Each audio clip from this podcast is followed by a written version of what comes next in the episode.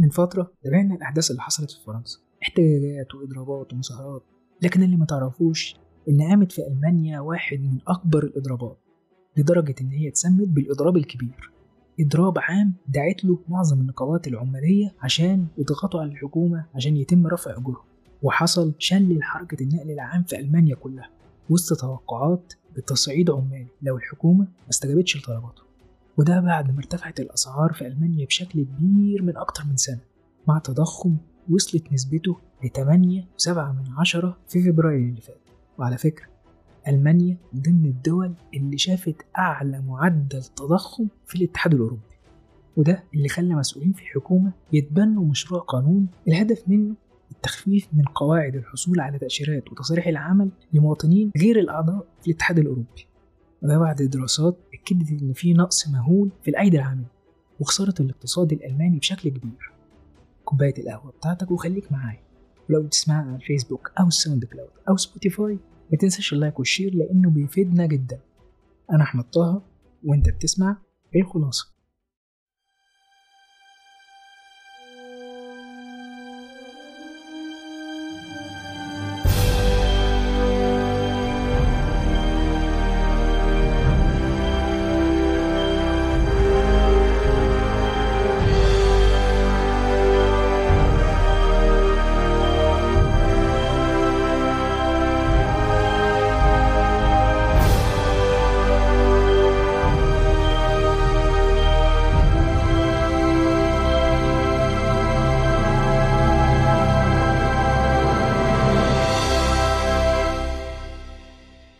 أهلا بيك. صرح رئيس نقابة فيردي العمالية إن الإضراب الكبير مسألة حياة أو موت لآلاف الأشخاص الذين يكافحون من أجل أجور أعلى في ظل ارتفاع معدلات التضخم. فالمشكلة ليست مجرد أن الناس يتقاضون مرتبات منخفضة. الكلام ده اتقال بعد دخول ألمانيا في حالة إضراب شامل هو الأول من نوعه من سبعينيات القرن الماضي. إضراب نفذته النقابات العمالية في ألمانيا عشان يطلبوا رفع أجورهم وقال كريستيان لاروش عضو فريق التفاوض في النقابة إن الرغبة في الإضراب قوية جدا وفي حالة من الغضب وسط العمال. حركة الاحتجاج دي سببت شلل شبه كامل في قطاعات حيوية جوه البلد زي النقل العام والسكك الحديد وقطاع النقل الجوي والنقل البحري وشركات الطرق السريعة وغيرها كتير. وبتطالب نقابة فيردي العمالية إن يتم رفع أجور العمال بنسبة من 10.5 ل 12% شهريا لكل عام. المشكلة إن كمان في نقص شديد في العمالة المتخصصة لدرجة إن في حاليا 2 مليون وظيفة فاضية في ألمانيا. تخيل حتى جيل الستينات اللي هو بيشغل الوظائف الكبيرة دلوقتي اتحلوا للتقاعد من المتوقع أن سنة 2035 هيخسر سوق العمل 7 مليون شخص. وده لو الحكومة ما خدتش خطوات والكلام ده وفقا لدراسة أجراها معهد أبحاث سوق العمل ال IAB وعشان كده قدمت الحكومة مشروع قانون هدفه تخفيف قواعد الحصول على تأشيرات وتصاريح العمل لمواطنين الدول غير الأعضاء في الاتحاد الأوروبي. وقالت وزيرة الداخلية نانسي فايزر سنحرص على استقدام العمال المتخصصين الذين يحتاجهم اقتصادنا بشكل طارئ وسنزيل العقبات البيروقراطية ونسمح للعمال المتخصصين بالقدوم بسرعة وبدء العمل. تسألني وتقول طب وإيه بقى التسهيلات اللي هم مقترحينها في القانون ده؟ أقول لك سؤال حلو خلينا أجاوب. القانون الجديد بيضم ثلاث بنود. الأول خاص بالشهادات العلمية والجامعية المعترف بها بألمانيا. ده اللي هيتم إجراء تسهيلات ليهم. تاني متعلق بالإيد العاملة اللي عندهم خبرة مهنية وليهم على الأقل سنتين خبرة مهنية في أي بلد وعندهم مؤهلات معترف بيها في بلدهم الأصلي. يعني مش شرط في ألمانيا زي ما كان الوضع قبل كده.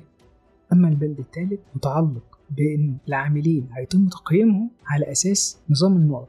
هيتم بقى تقييم مؤهلاتهم إجادتهم للغة الألمانية والإنجليزية وطبعا خبرتهم المهنية. تسألني وتقول لي أنا كده كمصري استفدت إيه؟ أقول لك ده سؤال ممتاز جدا. خليني بقى أجاوبك. بس خليني أقول لك على حاجة حصلت من فترة قريبة. من فترة اتفقت مصر واليونان على إنهم يبعتوا 5000 عامل موسمي مصري عشان يلبوا الاحتياجات اللي محتاجاها اليونان. وقال عضو لجنة القوى العاملة بمجلس النواب أحمد مهنا إن استعانة اليونان بالعمالة المصرية دي دلالة كبيرة جدا على مهارة العامل المصري.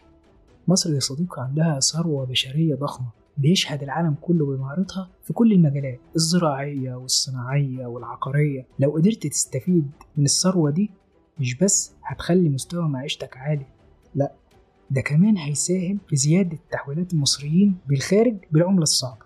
يعني معنى كده إن الاقتصاد والتجارة هينتعشوا طب أقول لك على حاجة تانية. طبقا لوزارة الهجرة وشؤون المصريين بالخارج عدد العمالة المصرية في الدول العربية والأجنبية اللي ليهم مكاتب تمثيل عمالي تقريبا أكتر من 4 مليون عامل.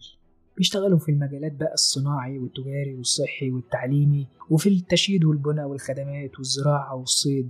تحويلاتهم السنة اللي فاتت بس وصلت ل 32 مليار دولار.